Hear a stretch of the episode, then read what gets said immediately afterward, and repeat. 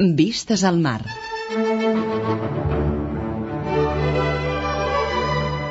Vistes al mar. Una mirada als nostres músics.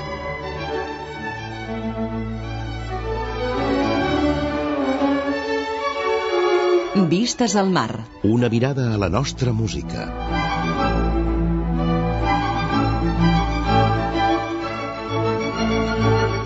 Vistes al mar.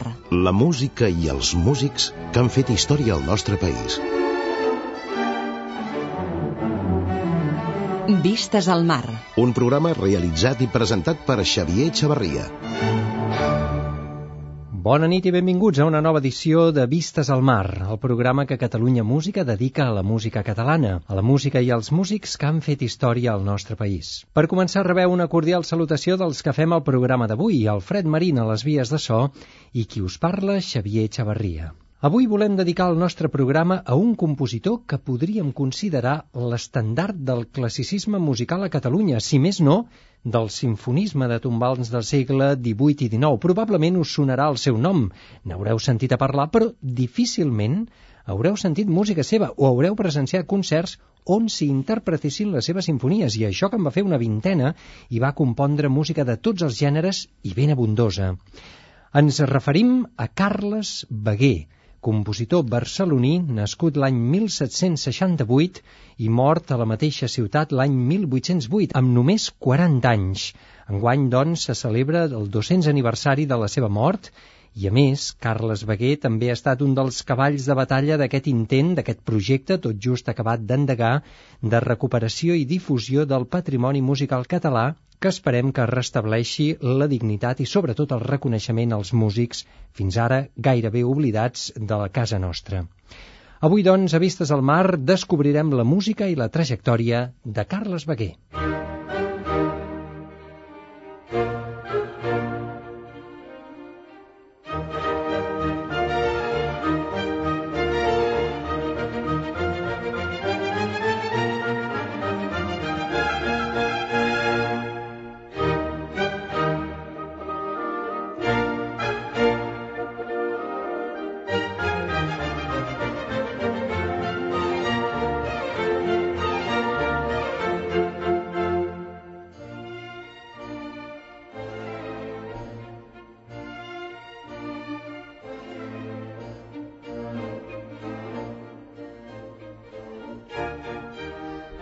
Música de Carles Beguer. Poques dades biogràfiques es tenen d'aquest compositor barceloní, tot i ser un compositor tan prolífic i apreciat al seu temps. Coetani absolut de Haydn i de Beethoven, nascut a Barcelona el 1768, organista de la Catedral de Barcelona, on acompanyava la litúrgia, però també era mestre dels escolans i per les seves mans hi van passar futurs compositors i músics com Ramon Carnisser o Francesc Andreví. Tot i viure només 40 anys, va assolir molt prestigi i fama, fins al punt que seria difícil trobar un altre compositor contemporani, l'obra del qual sigui tan extensa i amb una difusió tan notable com la de Carles Beguer. Hi ha obres seves en més de 20 arxius d'arreu de Catalunya i a l'estat espanyol, i s'han trobat innombrables còpies d'obres seves datades molts anys després de la seva mort. Per tant, la seva música sonava per tot arreu i molt. Tot i dedicar 22 anys de la seva vida a la seu barcelonina com a organista, Carles Beguer va compondre obres de tots els gèneres, música instrumental, una vintena de sinfonies, música per a tecla i sobretot religiosa, misses, magnífiques, salms, completes, oratoris, villancets, drames sacres, però també àries, cavatines i fins i tot una òpera, la Principessa Filòsofa, que es va estrenar a Barcelona a finals del segle XVIII i ben poca cosa coneixem del més gran sinfonista català de l'època i és per això que avui, amb motiu del 200 aniversari de la seva mort, el volem recordar i reivindicar aquí a Vistes al Mar. I ho farem amb dos experts en aquest eh, músic i en aquesta època també. Saludem cordialment i donem la benvinguda al senyor Josep Maria Vilà, musicòleg, professor de secundària a Santpedor, va formar part de l'equip fundador de l'ESMUC i és, podríem dir, la màxima autoritat en Carles Beguer i ha fet l'edició de bona part de la seva obra orquestral. Senyor Josep Maria Vilà, gràcies per ser amb nosaltres i bona nit. Gràcies a vosaltres, molt Benvingut. bona nit. Gràcies per ser aquí. I donem també la benvinguda al senyor Josep Dolcet, musicòleg, editor, fundador de l'editorial Tritó, que ha publicat pràcticament tota l'obra orquestral de Carles Beguer. Senyor Josep Dolcet, gràcies per ser amb nosaltres. Bona nit. Bona nit, gràcies a vosaltres. I benvinguts. Qui va començar a estudiar Carles Baguer? Quin van ser els primers estudis que es van dur a terme? Home, Carles, Carles Baguer és un personatge eh, que va ser molt ben conegut a la seva època, molt popular a la seva època. El coneixement de la seva obra eh, es va mantenir durant bona part del segle XIX i fins més enllà. En el segle XX, diguem, quan si estem parlant d'estudis musicològics, Higini Anglès, per exemple, és un coneixedor eh, de l'obra de, de Baguer. Higini Anglès entén que la seva obra va ser molt divulgada i molt apreciada a l'època, però no, pel que sigui, no considera oportú, no considera un dels seus temes eh, prioritaris d'investigació i en realitat la primera persona que va treballar aquest tema va ser una gran musicòloga catalana, eh, malauradament eh, morta ja fa uns quants anys, que va ser la Maria Esther Sala. Ella va ser la primera persona que va recuperar dades biogràfiques importants i que va, és la primera persona també que va eh, editar algunes de les seves partitures. Ja estem parlant ja de fa més d'una dècada d'això, quan ningú havia sentit a parlar de Carles Baguer pràcticament en aquest segle XX, no? Efectivament. Ella estava interessada d'alguna manera a recuperar tot aquest gran període de la música catalana per a tecla que va des del pare Antoni Soler, per dir-ho d'alguna manera, fins als Granados, Albéniz, etc etc. què havia passat durant tota aquesta època de la qual pràcticament no sabíem res, i ella havia anat fent alguns descobriments i recuperacions i revaloritzacions importants i entre aquestes hi ha l'obra de Mariner que ella va publicar l'obra de Beguer, que és el seu deixeble, que uh. -huh. també en va publicar algunes. Que era el seu nebot, Efectivament, uh. -huh. nebot i deixeble, i una, unes peces també de tecla de carnisser, que era deixeble de Beguer. Per tant, eh, la seva recuperació de Beguer estava dintre d'un projecte molt més llarg que malauradament ella no va poder portar a terme i de moment ningú ha continuat. Doncs ja ho veieu, tenim avui amb nosaltres a Vistes al Mar, podríem dir els dos apòstols importants, les dues persones que estan en actiu treballant i recuperant la música de Carles Baguer, el senyor Josep Dolcet i el senyor Josep Maria Vilà, però jo li he de dir, senyor Josep Maria Vilà, que ens ha sorprès molt trobar, a veure si vostè m'ho pot explicar, un disc compacte del segell Chandos, un segell d'un gran prestigi a nivell internacional, mm -hmm. de fa molts anys, editat als anys 80, si no recordo mm -hmm. malament, amb els London Mozart Players, dirigits per Matthias Bammer, i que interpreta està dedicat íntegrament a la música de Carles Baguer. És un disc tot en anglès a veure si els anglesos ens van passar al davant i ells es van interessar abans que nosaltres, és a dir, no, no, no ben bé, no ben a bé, veure, eh? com va anar? Per, no bé, per què hi ha un disc de Chandos dedicat a en Baguer si aquí ni el coneixíem? Aviam, eh, aquest no és el primer disc íntegrament dedicat a l'obra de, a l'obra orquestral de Baguer, per tant, eh, diguem, ningú ens va passar al davant. Eh? Eh, la, primera, la primera edició d'un disc complet amb sinfonies de Beguer va ser amb l'orquestra de cambra Reina Sofia dirigida per Gonçal Comelles en el segell Ensayo, estem parlant encara de l'època de l'època de l'LP, i que després tot això es va eh, reeditar al cap d'uns quants anys en CD. O sigui que és veritat que el disc, que si més no a nivell discogràfic i radiofònic ha donat més difusió a l'obra de Beguer i continua donant difusió pel seguiment que es pot fer amb tota facilitat. A nivell internacional, si m'ho permet. Sí, sí, sí. Chandos està a la BBC i està a Nord-Amèrica i està tot arreu. Sí, sí, sí, eh? i emissores d'arreu dels, dels Estats Units i de diferents estats europeus continuen posant aquest disc. Per tant, la, la, la música de Beguer continua sonant a les ràdios de mig món gràcies a aquest disc.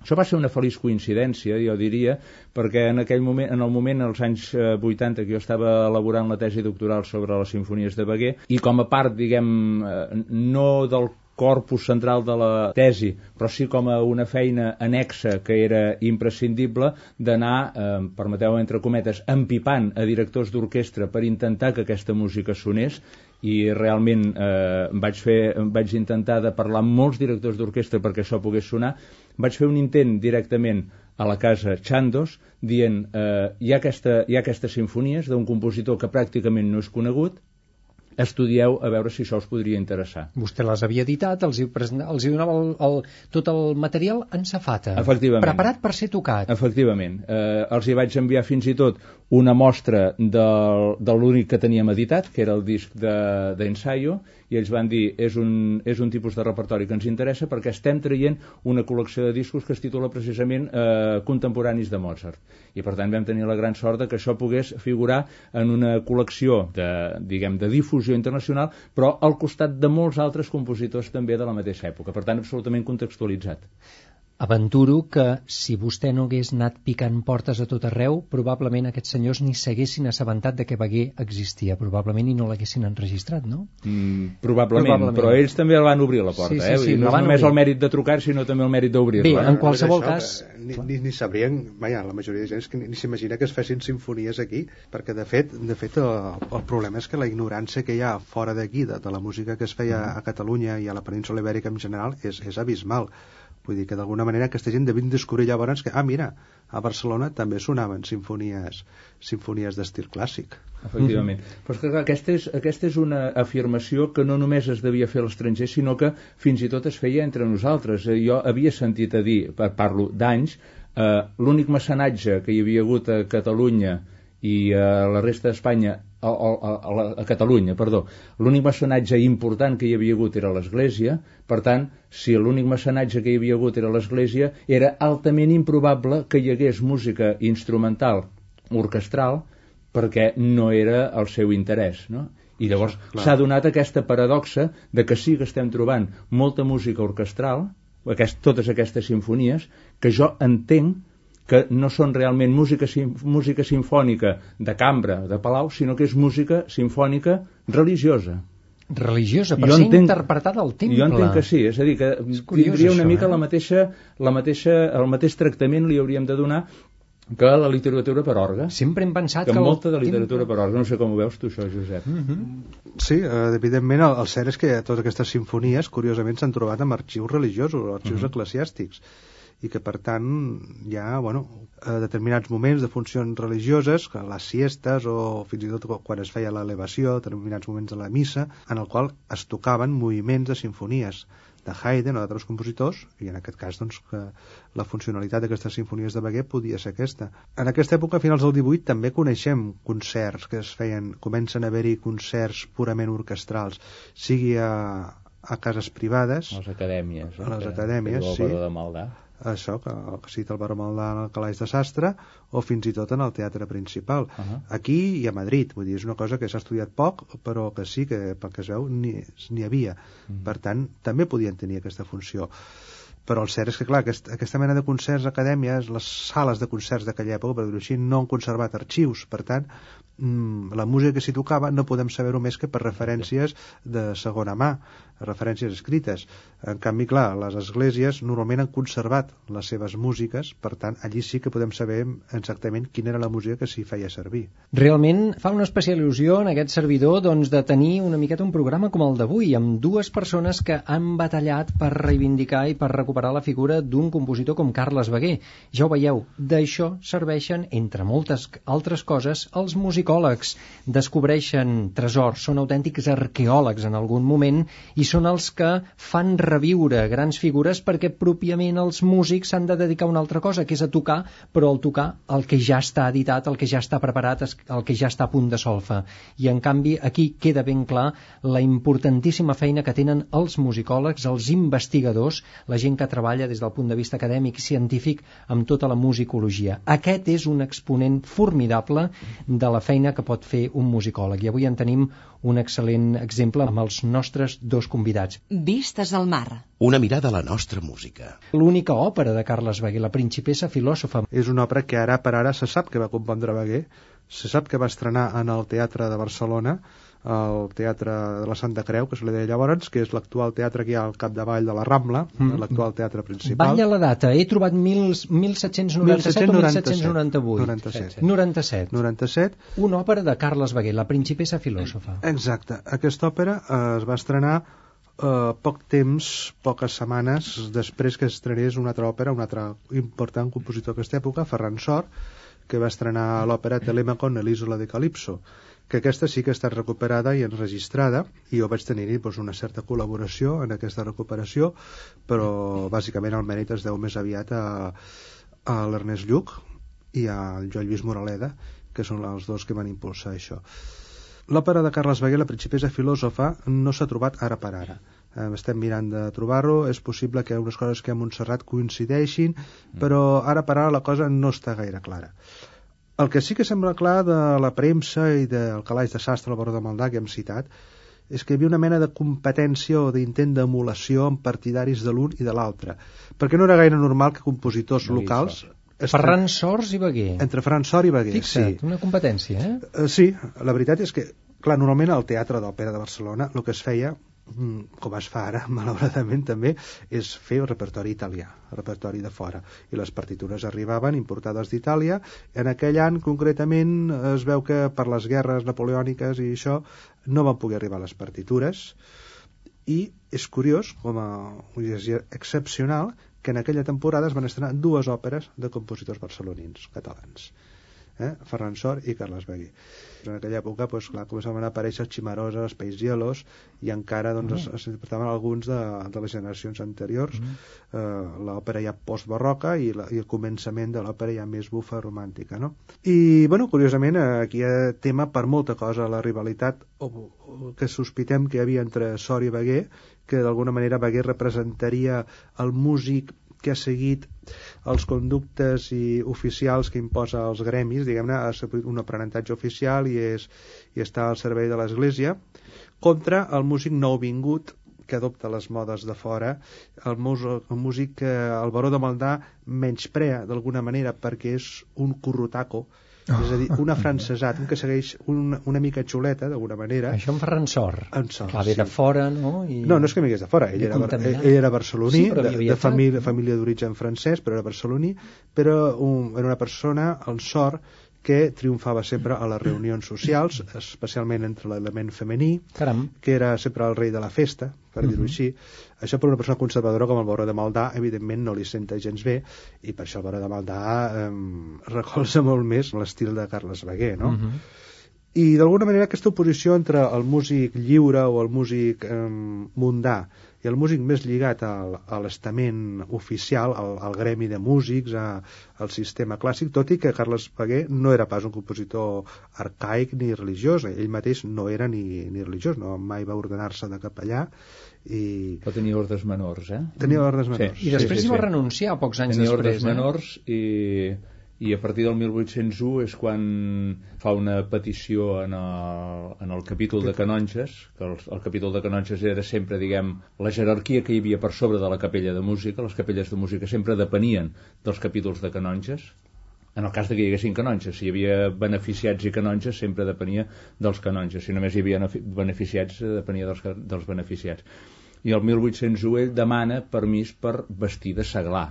Això és el que diuen les fonts, per tant, eh, si demana per vestir de seglar d'alguna manera és que s'està intentant desvincular Ja. i deixar de tenir ordres menors, renunciar a l'estat eclesiàstic. Ordres menors, per tant, què era, Carles? Probablement fos, dia, fos diaca o sots Diaca. O sigui, va arribar a ser diaca, però res més. Res més que això. Uh Mhm. -huh. Però, esclar, eh, I només durant pocs anys, perquè el 1801 ell va demanar de ser ell, seglar. ell Per- renuncia i el, els canonges li diuen el que, el que toca dir-li eh, tingues en compte que si renuncies a l'estat eclesiàstic guanyaràs el teu salari mm, es quedarà rebaixat Fixa't. perquè evidentment això era la, la manera diguem de, De que- dissuadir, entre altres no coses. de dissuadir sinó més aviat o prèviament també de dissuadir eh, però inicialment eh, de que l'església pogués tenir en els llocs de control de les estructures religio de les estructures eh, musicals que era el mestre de capella i l'organista, bàsicament, si deien eh, el, el càrrec de mestre de capella,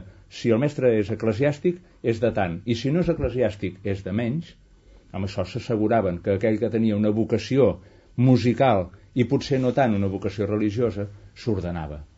I per tant, el músic contractat per l'Església ja no era un músic extern a l'estament eclesiàstic, sinó que era part del mateix estament. I per tant, diguem que es prevenien contra el que expliquen, diguem, les fonts, de que el músic és una persona de mal viure, que els vicis... Que no sé què, Aquesta tot allò que... secularització, no?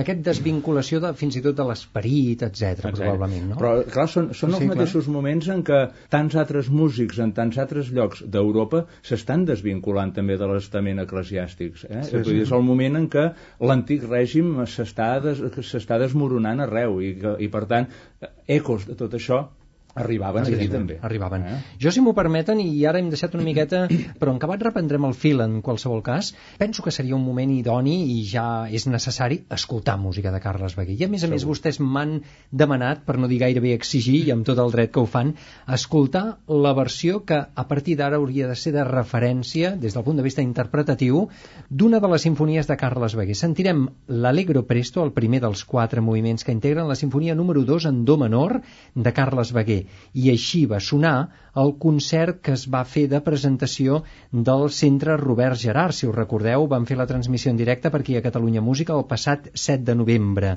Doncs va sonar exactament així en la interpretació de l'Acadèmia 1750, probablement tal i com va sonar ara fa poc més de 200 anys en l'època de Carles Beguer. La sentim i en acabat la comentem.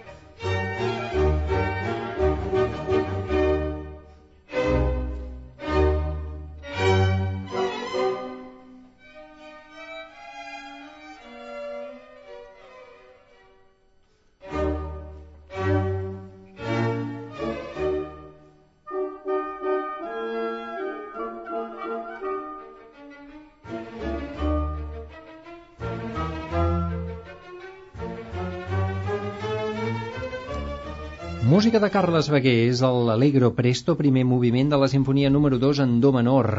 Així va sonar en aquest concert de presentació del Centre Robert Gerard a la sala Oriol Martorell de l'Auditori de Barcelona el divendres 7 de novembre. Ho vam transmetre en directe per Catalunya Música i va interpretar-ho Acadèmia 1750. Per què hem escollit aquesta obra a grans trets, senyor Josep Maria Vilà? No, si em permeteu, no només perquè hem escollit aquesta obra, sinó també aquesta versió. Mm -hmm. És la primera vegada que hem pogut sentir i que podrem continuar sentint aquestes obres de Carles Beguer amb instruments originals, amb còpies fidedignes dels instruments de l'època i, per tant, interpretat amb unes tècniques que són el més semblants que nosaltres podem fer en aquests moments a, les, a, la, a la tècnica de l'època. Per tant, seria una mica el retrat més fidedigne. I... Més que qualsevol dels enregistraments que s'han fet fins ara, encara que siguin interpretativament dignes, els criteris potser no són els més adequats. I aquests sí. Segurament que sí. Uh Mhm. -huh. eh, és a dir, eh, no queda cap so de l'època i, per tant, eh, tot i que segurament que hi hauria musicòlegs que dirien segur que sí, permeteu-me que jo digui segurament que aquest és el retrat que s'assembla més en el de l'època. La prudència, benvolguts oients, també és una qualitat en un musicòleg i aquí en Josep Maria Vilà n'ha fet un bon, un bon exemple. Gràcies.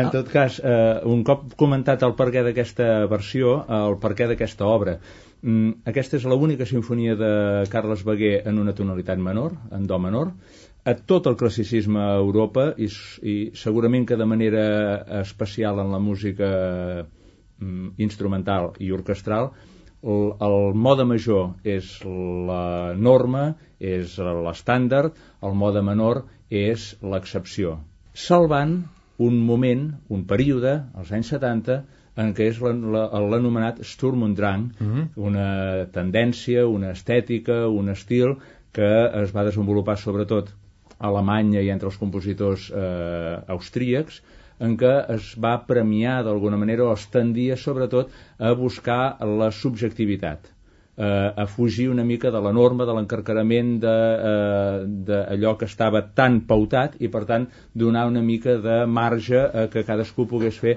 coses molt diverses. Què en va sortir d'això?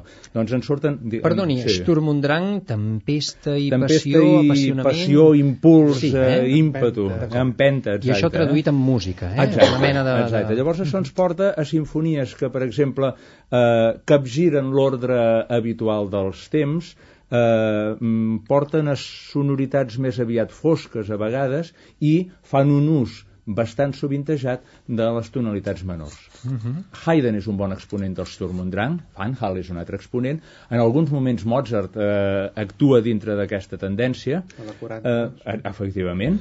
Eh, Van Hal, Mozart no van arribar a les seves sinfonies a Catalunya o no tenim documentat que arribessin a l'època, però sí que eh, mm, als anys eh, 80, al 1780 aproximadament, estaven sonant sinfonies de Haydn a, a, a Barcelona, estaven sinfo sonant sinfonies de Haydn a Catalunya. Per tant, Beguer coneixia Haydn. Eh, absolutament, segur, Mm-hmm. absolutament Tenia segur. contacte amb altres músics? És a dir, coneixia música d'altres compositors coetanis, jo que sé, Stamitz, etc. O... Mm. Què arribava a Barcelona a finals del segle XVIII? arribava música de Haydn, instrumental, arribava música de Haydn, arribava, arri havia arribat música de l'escola de Mannheim, per tant havien arribat Stamitz, havien arribat obertures d'òperes italianes, ja desvinculades de, de l'òpera i per tant arribaven com a música orquestral, com a música sinfònica. I això és una mica l'estil que Beguer va acabar imitant i fent seu. I molt Pleyel. I molt Pleyel, i que és tant que el, sí. El principal alumne, o almenys en aquesta època es considera el principal alumne de Haydn. Aquí va arribar molta música de tecla, de Pleyel, va arribar també eh, alguna música de cambra i va arribar molta música orquestral. Uh -huh. eh, poca música de cambra mm, no perquè no, no perquè no agradés la música de cambra de Player sinó perquè és que eh, no ens ha arribat és que no hi ha música de cambra aquí no, no sabem per què no hi ha música de cambra Home, segurament no- que no se'n feia Home, diuen que perquè nosaltres eh, els diumenges sortim al carrer perquè fa bon temps, en canvi els alemanys i els anglesos s'han de quedar a casa perquè plou, i que per això fèiem més música. Gran Sí, teoria. però com a- però com- ja ho veieu teoria que els musicòlegs també tenen teories molt casolanes. però eh? com a música, però com a música domèstica, en podríem dir, com a música de casa, com a música de família, com a música per fer amb els amics, que seria aquest concepte que els alemanys han fet sempre a la música de cambra, music, aquí, sí. aquí es feia música sinfònica, és a dir, quan el, el, baró, el baró de Maldà explica què tocaven en aquestes reunions, en què eh, eh, s'hi reunien els membres de les capelles de música dels temples Sí. i a més a més també actuaven tocant la flauta o bé cantant o bé tocant instruments de tecla membres de les mateixes eh, famílies de la noblesa, Sí, el que feien era repertori orquestral amb, amb versió molt reduïda però tocaven sinfonies i en canvi no tocaven quartets quintets El dia no? que es faci un buidat del calaix de sastre amb totes... Bueno, tu ja havies començat a treballar, a fer un buidat de tot el calaix de sastre, Però de totes les fer un buidat de res, notícies un- musicals, és que és extraordinària Sí, sí. la de notícies musicals que porta per entendre eh, la música a Barcelona en aquesta època, al, al darrer quart del segle XVIII i, i començaments del XIX. Eh, Però fixa't que l'absència de música de cambra eh, entre els compositors catalans que van viure i treballar a Catalunya és una mica un misteri. Perquè Carles Beguer eh, escriu eh, 20 sinfonies, escriu moltíssima música de tecla, però què té de música de cambra? Vuit duets de flautes. Sí. I res més, que la flauta era l'instrument que acostumaven a tocar els diletantes eh, membres de la noblesa. Per tant, probablement ho va escriure per algú de la família no sé quina de Barcelona. No té quartets de corda, o no els hi hem conegut. És possible que tota aquesta música anés a parar a un tipus d'arxius que, com que no són els de l'Església, no són els de no sé qui, es s'hagin perdut. Però Bueno, aquí que... topem... Perdona. No, no, fixa't que hi ha compositors catalans que van anar a treballar en altres indrets Sí. en què hi havia tradició de fer música de cambra i aquests compositors catalans treballant a fora van fer música Sí, de cambra. germans Pla o... Efectivament. Eh? I en canvi els que es sí. queden treballant aquí no fan música de cambra. Jo- Josep Fàbrega, de una, uns anys anterior a, a Carles Beguer, Sí. té set, set obres orquestrals entre sinfonies i obertures i no li coneixem ni una, mm, eh, ni un trio, ni un quartet, ni una sonata per violí i piano. És curiós. Sí, jo el que volia comentar és també el, la desgràcia que tenim aquí em, que l'aristocràcia, la noblesa eh, d'aquest país, i em refereixo ja a tota Espanya, de fet, que els seus arxius estiguin encara tan tancats i tan poc coneguts. Encara n'hi ha de, de, de, de capses tancades i de partitures per descobrir? Es veu que sí. I, i, i amb sí. famílies I nobiliàries el i, problema, aristocràcia. i sobretot que, a veure, noblesa alemanya, fins i tot italiana, estan orgullosos d'exhibir el que tenen i d'ensenyar i de permetre que els investigadors eh, es capbussin, diguem-ne, dins d'aquests arxius per trobar el que hi ha. I aquí normalment el que trobes més aviat és amb reticències i, i molts problemes per poder accedir a qualsevol arxiu de- d'una aristocràcia que, que, serien, que haurien de ser ells els primers interessats, de fet, Mm. en, en És un patrimoni que tenen i que ni tan sols han descobert ni saben ni que el tenen. Perquè Bueno, estan en que- tot el seu dret a privar-te l'accés, però jo crec que és una mica un error. Jo, jo no m'hi he trobat mai amb cap reticència, eh, perquè és un tema que no, no, els, els arxius de la noblesa no hi... No, no També els és veritat que la noblesa d'aquí, eh, la música tampoc no, normalment no ha estat el seu fort. Vull dir que em, és molt diferent d'altres corts o, o, petits, o petits palaus de, de la resta d'Europa que mantenien conjunts de cambra o mantenien orquestres. Aquí era l'excepció. Poder la Casa d'Alba és dels pocs, o els, o els ducs d'Osuna, han estat dels pocs eh, aristòcrates de, aquí de, de tota Espanya, tot el regne, que, que, han, que han patrocinat un, una mica la música. Però jo soc, jo soc optimista que algun arxiu de la noblesa catalana que encara no sabem que existeix, jo crec que el, poden sortir coses interessants amb la col·laboració de la noblesa, eh? Jo crec que sí. Sí? Jo Tant crec de que bo. sí. Optimisme, també. Sí, sí, no, no, n'estic bastant convençut. I il·lusió per, Ah, per un futur del, de l'època de, de la feina que fan els musicòlegs, que avui queda ben clara, ja ho veieu, un diàleg i una discussió interessantíssima i molt enriquidora la que estem mantenint amb Josep Maria Vilà i Josep Dolcet, mm, parlant d'en Carles Beguer, però també de tota aquesta feina que hi ha al darrere, molta que queda per fer. Si els sembla, abans de parlar-ne, música litúrgica, música vocal, gairebé l'únic exemple que en tenim enregistrat, que vostès també ens han suggerit i que ens ve de greus escoltar. Uns compassos i en acabat ho comentem. Completes per solistes, cor mixt i orquestra, de Carles Beguer. Sentim-ho.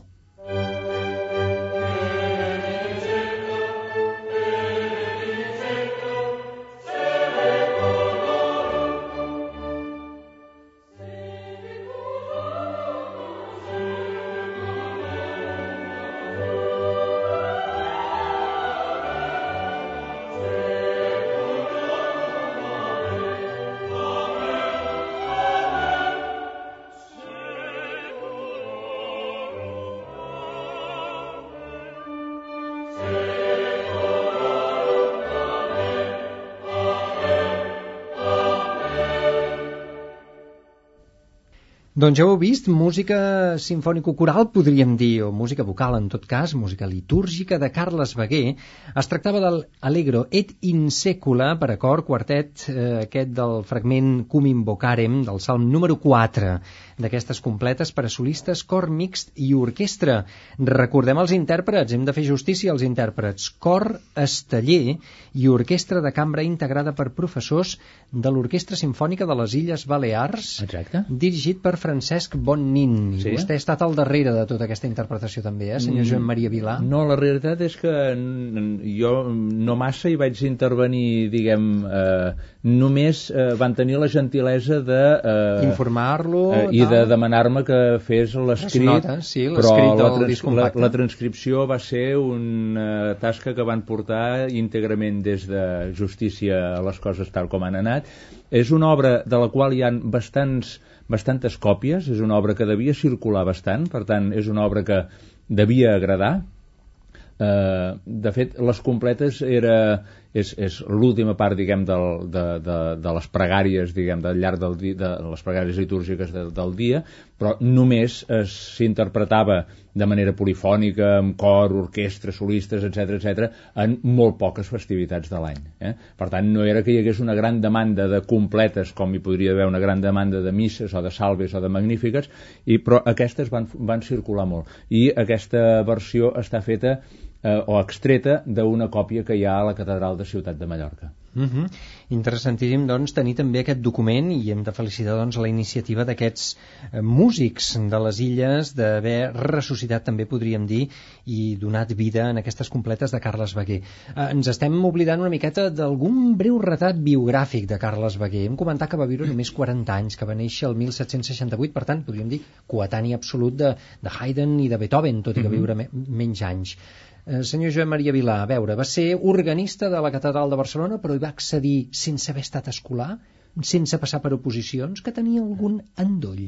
Eh, és possible. Sí? Eh, probable, fins un, i tot. Un, un tiet, pot ser? Eh, Exacte, el, el, el, seu, Mariner. el seu oncle, Francesc Mariner, Sí? era l'organista de la catedral. El titular. En el moment, titular, en el moment en què ell es va posar malalt i va necessitar una substitució, diguem, transitòria, ràpidament van anar a buscar a Carles Beguer, que era el seu deixeble, I que era un adolescent encara, no? En Sí, sí, sí, tot, però, set anyets. exacte, tenia. però això era bastant habitual, eh?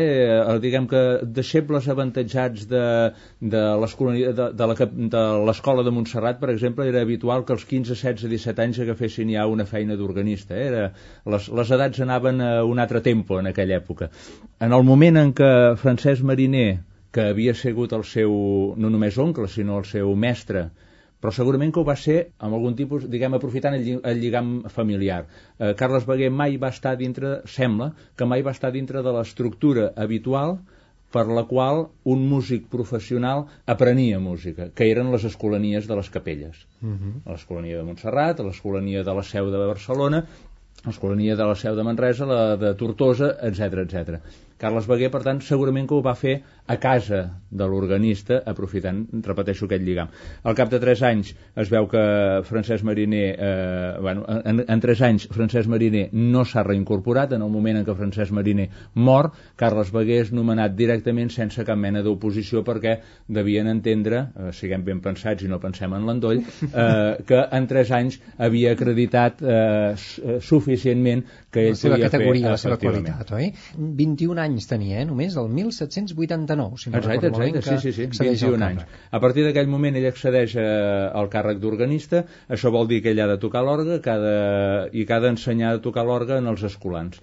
Però, en principi, ell no hauria d'haver compost res més que aquella música que mm, hagués de eh, tocar ell mateix. Per tant, tota aquesta ingent, diria jo, composi eh, eh, Producció, labor, producció sí. compositiva per cor, per orquestra, etc etc és alguna cosa que és, de més a més, defuig el que eren estrictament les seves càrregues contractuals, per dir-ho d'alguna Tenia un manera. instint de compositor, se n'anava més enllà de les seves obligacions com a compositor, Eh, això és el més que- enllà de la música litúrgica. Això eh? és el que dona la impressió, això és el que dona la impressió, sí, sí, es sí. passa 22 anys, la resta de la seva vida com a organista a la Catedral de Barcelona, però, si m'ho permet, hem vist, en algun dels escrits que vostè ha fet, que em demanava permisos per opositar Sí, sí. a altres catedrals com a organista. Això vol dir que no s'hi trobava Es massa bé que 22 cobrava anys, poc? Es passa els, dos, els 22 anys allà i es passa els 22 anys intentant de marxar-ne No. O fent veure que intenta Sí, marxar-ne. més aviat eh? això, el que, es, el que es veu bueno, en aquella època, moltes vegades els, els que estaven empleats en, en un centre religiós feien oposicions a altres centres no amb la intenció de marxar, sinó amb la intenció de guanyar prestigi.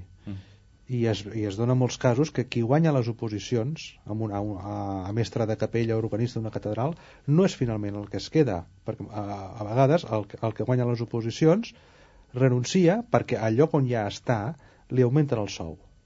Mm. I llavors, clar, era una tàctica moltes vegades, primer per agafar prestigi i després perquè els, els seus caps, els que l'estaven de qui estava cobrant, li augmentessin el sou Fixa't. perquè apreciessin més bé qui tenien.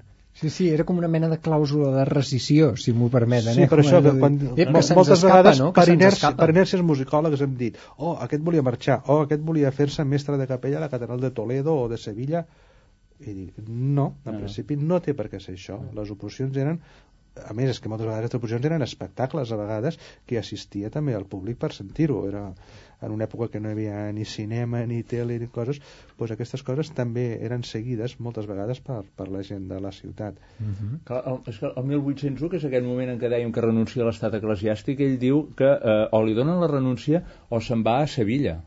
I, per tant, juga a això. Mhm. I el baró de Maldà eh, explica que ja circula per Barcelona amb consternació per part de tota la gent que el, el Carlets se n'ha anat a Sevilla. Carlets? El car Què el vol dir Carles- Carlets? Eh, clar, és que li deien Carlets. Li deien. Carlets, sí, sí, sí, en sí. Carles Beguer? Sí, sí, ell era conegut a... Fixa't, a- però personatge popular. Era un Però- personatge absolutament Però popular. a nivell social, és a dir, la gent de Barcelona, la Sí, gent sí, que... sí, sí, sí, Carlets. Que el car eh, sí, sí, en Bona Carlets. aquesta. En Carlets ha marxat a Sevilla i la gent està consternada perquè entenen que eh, el Nadal proper eh, no podran anar a la catedral a sentir com en Carlets improvisa de manera fantàstica i per gaudi de tothom sobre els temes que tothom coneixia de, eh, què sé, de- de- d'una melodia del sac de gemecs i d'adobar fogons i de ton pare no té no sé què i, no eh, clar, són, són tots aquests els, els eh, temes que trobem en els quadernets eh, d'organistes, és a dir, els quadernets que es copiaven els organistes per tenir un material sobre el qual improvisar, que per tant són unes fonts eh, d'informació fantàstiques Se'n sobre... conserven, sí, sí, quin era el folklore del Sí, sí, tombant de el segle. XVIII cap al XIX, i això era només permès eh, d'improvisar sobre aquestes melodies durant el cicle de Nadal. Llavors, la catedral de Barcelona Cel- s'omplia de Les gent cèlebres llibertats de Nadal són això? Serien les llibertats Les llibertats, d'Orga, oi? Les llibertats d'Orga, exacte. I eh, la catedral de Barcelona, ho explica el baró de Maldà, s'omplia de gent que anaven a sentir com en Carlets eh, improvisava sobre aquestes cançons o sobre eh, el noi de la mare, per, Per exemple. tant, ell també negociava una miqueta el seu contracte, amenaçava els seus caps, dir, ei, que me'n vaig si no m'apugeu el sou, teniu més prestigi, perquè, clar... I sap quin és el eh? ressò que això té entre la població de Barcelona. Interessantíssim, realment. Si m'ho permeteu, escoltarem encara un altre fragment instrumental, sinfònic. És el rondó, quart i últim moviment de la sinfonia número 16 de Carles Beguer. També la va interpretar en aquest concert del 7 de novembre passat. L'Acadèmia 1750 i va sonar així.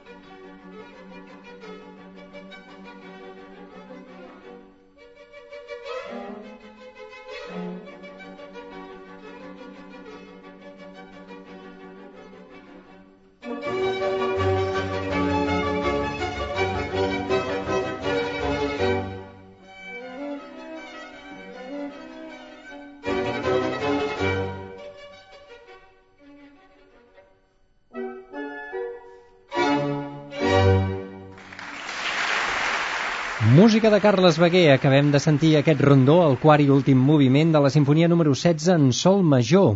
Un moviment, aquest rondó, que per cert el van visar i abans a micro tancat ens comentaven els nostres convidats que es van deixar anar més els músics i que va sonar fins i tot millor. I també ens comentaven una cosa curiosa.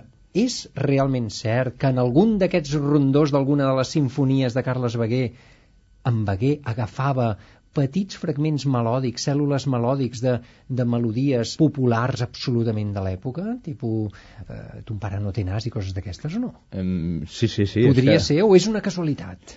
Uh, és difícil. De... No, no, una casualitat jo crec que no. És a dir, hi ha, hi ha, hi ha temes, hi ha idees melòdiques que floten en l'ambient i que... Però que no són perquè sí.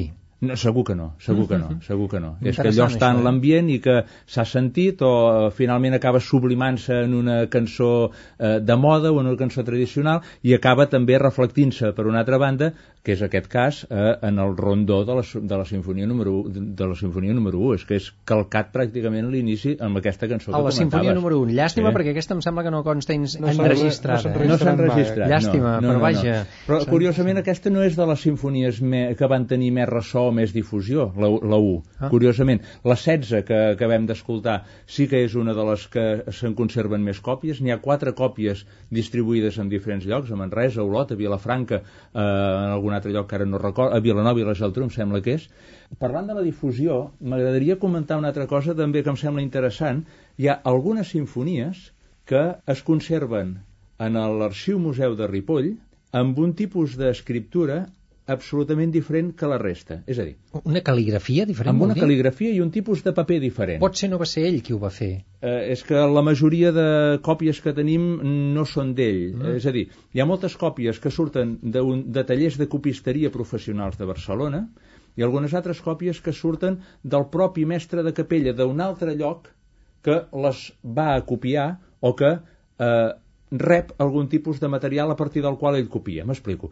Eh, Ripoll, tenim tres sinfonies de Carles Beguer que són en un paper molt petit, mida quartilla, un paper molt prim, amb una grafia molt atapeïda, en partitura general, i que per tant és un tipus de partitura que no permet de ser tocada, mm. sinó que l'únic que permet és extreure'n les particel·les, que aquelles sí que es poden tocar. Mm. L'ús és ben diferent d'aquest Què, aquest què representa no? aquest paper eh, tan petit, amb aquesta grafia tapaïda, eh, paper, fri, paper primíssim? És el tipus de paper, és el tipus de grafia que es feia servir quan s'enviaven partitures per correu. Ah, perquè passés per tant, menys, perquè hi hagués menys volum, etc. Per tant, si tenim un compositor en un lloc de, de Catalunya i tenim uns tallers de copisteria que copien o amb una grafia atapeïda específica perquè això s'enviï per correu a un altre lloc de Catalunya. I un cop ha arribat això en un altre lloc de Catalunya hi ha un mestre de capella que extreu les particel·les perquè això es pugui copiar. Sí, clar, jo m'atreveixo a dir que això és una incipient indústria musical. Uh mhm. -huh. perquè clar, la partitura general en principi no tenia cap funció en aquella època des del moment que no hi havia directors efectivament l'única seva funció era a partir d'allí poder treure les particel·les pels diferents instruments que tocarien exactament això, sense partitura general i sense director. No hi havia directors, no hi havia un senyor amb un cap batut, evidentment, allà al no, davant. No, Carles Baguí, no, no, què feia en aquests casos d'aquesta música instrumental? Tocava des del concertino? Era violinista, ell? Uh, Carles Bagué, jo diria que ell um, tocava el violí, però bàsicament ell tocava l'orga, ell tocava instruments de tecla. I quan s'interpretava tant... aquestes sinfonies i tot això, ell on es situava? O simplement era Bona pregunta. uh, jo, uh, d'alguna manera, uh, no sé si dir, reivindico o m'agradaria de poder escoltar algun dia, eh, un model sonor diferent d'aquest repertori. És a dir, aquestes sinfonies les hem, sentit, eh, les hem trobat en arxius eclesiàstics i per tant això sonava a l'Església. I, estem, I en canvi estem acostumats a sentir les sinfonies del classicisme amb uns instruments de tecla que són normalment el clavicèmbal, el pianoforte, normalment el clavicèmbal. Jo diria que si Beguer feia alguna cosa quan s'interpretaven aquestes sinfonies a la seu de Barcelona era tocar l'orga. Per tant, jo algun dia m'agradaria de poder sentir aquestes sinfonies amb un acompanyament d'orga, amb un baix reforçat pel fagot, perquè a totes les capelles hi havia fagots i, i per tant segur que els feien servir i, a més a més, tot això amb la reverberació típica dels grans temples on això sonava. Clar, perquè estem Imagina... parlant, estem parlant d'un teclat que no té part escrita, sinó que en tot cas seria un baix continu que faríeu els acords eh, a partir de la un acord xifrat, probablement, i mm. unixifrat. Bueno, xifrat no. No, no, xifrat no, no, no, no està xifrat això. No, no. A veure, la majoria d'enregistraments que es fan que es fan fins ara de música d'aquesta i aquests de Baguer que hem vist fins ara són així, no, no se n'hi posa de baix continu, ni clavicèmbal però ni orga, ni piano, ni res és a partir d'ara que s'intenta tornar a la praxi original que sí que s'afegeix el baix continu perquè se sap positivament que es feia i que fins i tot Haydn fins i tot a les seves últimes sinfonies dirigia des del clavicèmbal mm -hmm. i que per tant que a començaments del 19 encara era normal que s'harmonitzés, diguem-ne, realitzés el baix amb un instrument de tecla. Clar, però com que aquesta és una música de temple, Sí. Jo crec que l'instrument de tecla en el qual hem de pensar és un orgue. Per mi és bastant impensable que si tenien un orgue i volien una música a tutti, amb trompes, oboès, etc, que des desperdiciessin la possibilitat de fer-lo sonar. I més tenint l'intèrpret allà, el propi per compositor. Per tant, eh, l'esforç aquest, no?, d'oblidar-nos una mica de la sonoritat que nosaltres eh, associem a les sinfonies del classicisme, que són eh, aquesta pulcritud que ens dona eh, la sonoritat de cambra i imaginar una sonoritat de temple reverberant amb un orgue. Penso que ens vindria de gust escoltar un fragment del concert per a dos fagots, realment inusual a més no poder, dos fagots al segle XVIII, jo no sé si se n'havia fet mai cap, un concert per, per a dos fagots i orquestra, és No, realment gaires, curiós. no. Eh? Doncs en Carles Beguer en va fer un, es va sentir també en aquest concert del dia 7 de novembre, toca Acadèmia 1750, sentirem el segon dels dos moviments, la polaca, i sapigueu que els solistes van ser Josep Borràs i Carles Cristóbal, Josep Borràs, actual director, flamant director de l'ESMUC. Sentim aquest fragment i en acabat el comentem.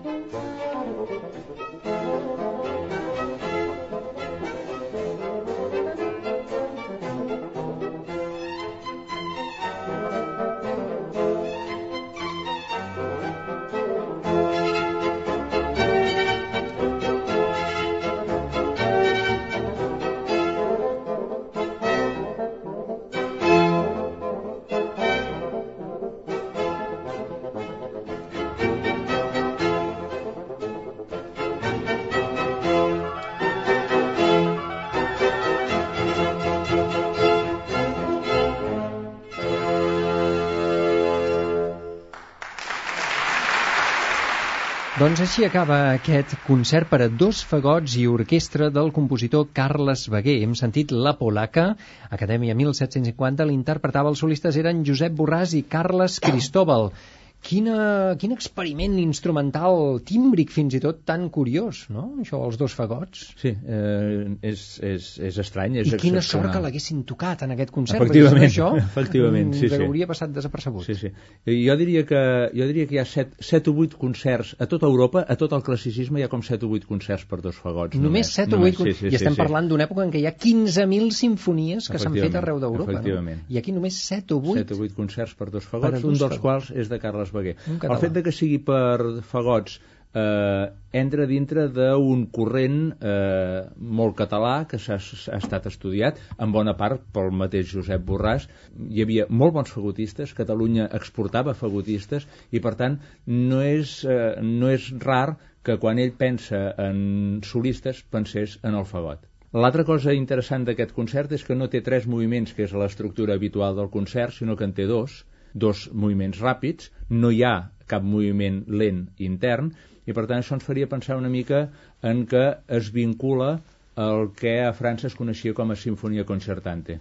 Habitualment, en, en una estructura de dos moviments ràpids, es volia una, un tipus de música molt lleugera, es, es tendia a pensar que un moviment intern que fos lent li podia fer perdre lleugeresa. Per tant, fixem-nos que abans, si les sinfonies de Beguer ens vinculen absolutament a tot l'univers germànic, austríac de Haydn, aquest concert ens vincula a tota una altra tradició que és la francesa. Tant, en un moment en què hi havia molta tensió política amb els francesos aquí, eh? Jo crec Però fins i tot estèticament ell es vincula a, a, a una tendència francesa. Una tendència francesa, però que va ser instaurada per compositors alemanys, perquè clar, tot el concert espiritual i la moda de les sinfonies concertants ve arran dels de, compositors de l'escola de Mannheim, com els Stamitz, sobretot el Carl Stamitz, que actuaven molt sovint eh, al concert espiritual, que eren els concerts públics de París, i les sinfonies concertants es veu que era el gènere més eh, que, que més demanava el públic, mm -hmm. és a mhm. dir, concerts amb diferents instruments, amb, amb més d'un solista. També és veritat que els concerts normalment en aquesta època encara es componien a mida, vull dir que un compositor no componia un concert per guitarra, sinó hi havia un guitarrista allí disposat a tocar-lo. Ah. Eh, és més, se sap que Carles Beguer va compondre un concert per corn anglès i se sap per quin solista el va compondre malauradament la partitura encara no ha aparegut però un concert per corn anglès també és una cosa ben estranya de l'any 1804 sí, doncs mira doncs precisament era per no recordo el nom però un senyor que va venir aquí i va portar una novetat un instrument nou que s'havia inventat uh -huh. o, que, mhm. o que arribava llavors a Barcelona que era el corn anglès i, i bé, i Carles Beguer evidentment doncs li compon un concert perquè es pugui lluir mm. esperem que algun dia aparegui tant de bo i l'altra cosa curiosa és, sí, endavant bueno, això de la polaca no? Mm. que, que hi ha gent que diu polaca, home d'on ve això de polaca? bueno clar, al principi molta gent es pensa que és en plan polonès no?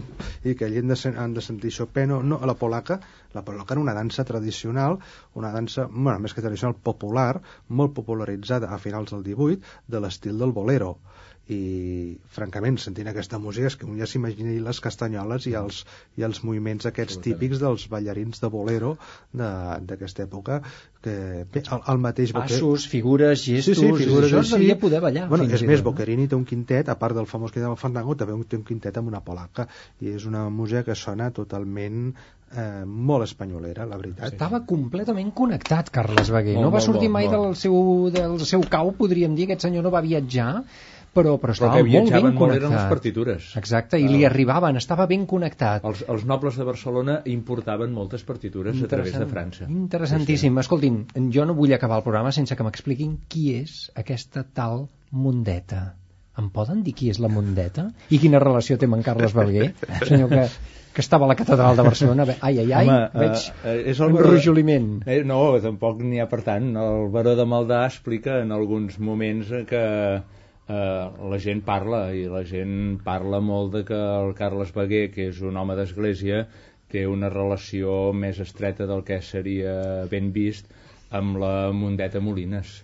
Una senyora Que bé que, Sí, sí, sí. que bé que ho has dit, eh? Bueno, eh, tot i que estem en una hora que possiblement ja es poden dir sí, aquestes coses i no més, és protegida, oi? però ens podem esplayar. Eh, per i- tant, era una mena de querida, una fulana, podríem dir? Mm, Jo no o era una nòvia jo no ho he oficial? Dit, jo no ho he dit, eh, però en tot cas sí que a partir d'un moment eh, posterior al 1801, que és el moment en què ell renuncia a l'estat eclesiàstic, ell va fer les coses ordenadament, sí que es comenta per Barcelona que ell ja s'ha instal·lat a viure a casa de la Mondeta Molines al carrer d'en Ripoll i que per tant ja no viu en el, en el pis que com a organista li cedia al capítol de Canonges. Però sense estar casats. Mm, en cap moment es No parla consta. de... No, no hem trobat cap document que ho, que ho expliciti. No va tenir descendència, Carles Beguer, no va tenir fills, No, aguts, no, més no. no. I, per tant, estem parlant d'un personatge, repetim-ho, va morir el 1808, amb 40 anys només, i és una autèntica Just a l'entrada dels francesos, no? Exacte. Efectivament. Tenia efectivament. res a veure, suposo que no va acabar participant ell, en cap mena ell va de revolta, morir, no? se li van complicar diverses malalties, eh, ho explica el Baró de Maldà també, eh? Mhm. eh, va tenir un atac de feridura i va tenir una hèrnia estrangulada. Eh? Vull dir, Déu-n'hi-do. eren dues coses que qualsevol de les dues en aquell moment... En aquella època podien matar sí, qualsevol, Sí, eh? sí, sí. Déu-n'hi-do, déu nhi déu Carles Beguer. Per cert, recordem l'exposició que encara és... Eh, pot visitar a l'auditori, a la sala Oriol Martorell, al foyer, al, al vestíbul Mm. de l'Auditori de Barcelona. Una exposició... Expliqui'ns, faci'ns en cinc cèntims, senyor Josep Maria Vilà. Aquesta exposició eh, la, vam, la vam inaugurar a Manresa, és una exposició que mm, l'hem muntada juntament amb en Marc Borrós, un arquitecte que s'ha cuidat, diguem, de tots els aspectes més, més físics, més eh, eh, visuals. És una exposició inicialment muntada per Caixa Manresa el Teatre Cursal i l'entitat El Galliner, que va estar a Manresa de manera contemporània una sèrie d'actes que vam fer, també concerts, eh, conferències, etc etc. i després hem tingut la sort de que aquesta mateixa exposició ha pogut viatjar a Barcelona. Són una sèrie de plafons, eh, diguem, per aquest mateix mm, poc coneixement biogràfic que tenim de Beguer, encara el coneixement, diguem, visual i iconogràfic encara és menor, per tant és una exposició sobretot de dades que hem intentat de vestir de la manera visualment més atractiva, més didàctica, podríem dir. I, Però també hi ha instruments i, i llavors, partitures exacte, això eh? Home, hi s'acompanya ha amb- autèntiques joies del museu. Sí, eh? S'acompanya amb unes petites... amb Peces unes, arqueològiques, Efectivament, podríem dir, eh? que són poquíssimes comptades i per això encara, encara diguem, llueixen més. Què exactament? Eh, Instruments? doncs, sí, sí, veiem, hi ha un que piano- van pertànyer amb ell? Hi ha un potser? piano de taula que, diguem, és un piano de l'època i que, per tant, podria ser exactament igual que el que ell podia tenir a casa seva com a eina. Piano fabricat a Barcelona. Exacte, exacte, fabricat a Barcelona, que per tant podia ser pràcticament eh, igual o eh, semblant al que ell utilitzava com a eina de treball per compondre.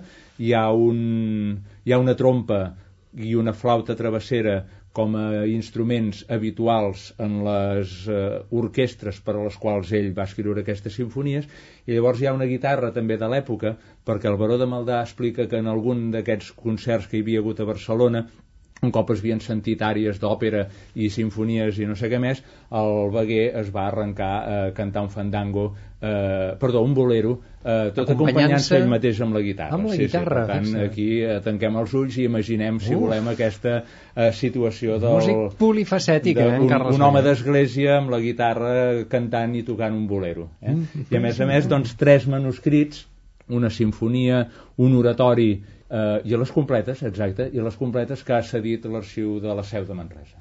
Realment interessantíssim. Ja ho veieu que dona molt de sí aquest compositor i ens hem deixat al tinter un munt de, de temes, de qüestions que volíem comentar, com aquest pseudònim, aquest Giuseppe Haydn, Haydn, vaja, que no sabem ben bé si és Carles Beguer o no, un manuscrit que s'ha trobat a la seu manresana, però és que se'ns ha exaurit el temps i és una autèntica llàstima. Hem gaudit moltíssim, esperem de tot cor que us hagueu passat també com nosaltres escoltant aquests dos musicòlegs que avui hem tingut amb nosaltres, el senyor Josep Maria Vilà i el senyor Josep Dolcet.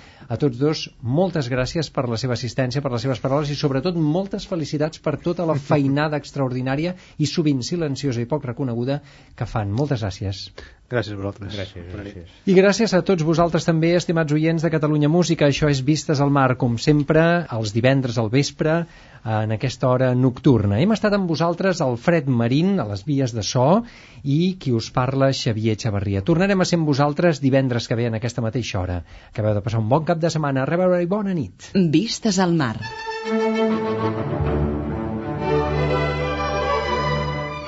Vistes al mar. Una mirada als nostres músics.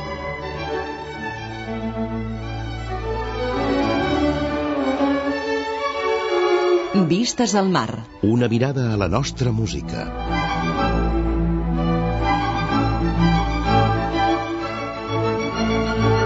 Vistes al mar. La música i els músics que han fet història al nostre país. Vistes al mar. Un programa realitzat i presentat per Xavier Xavarria.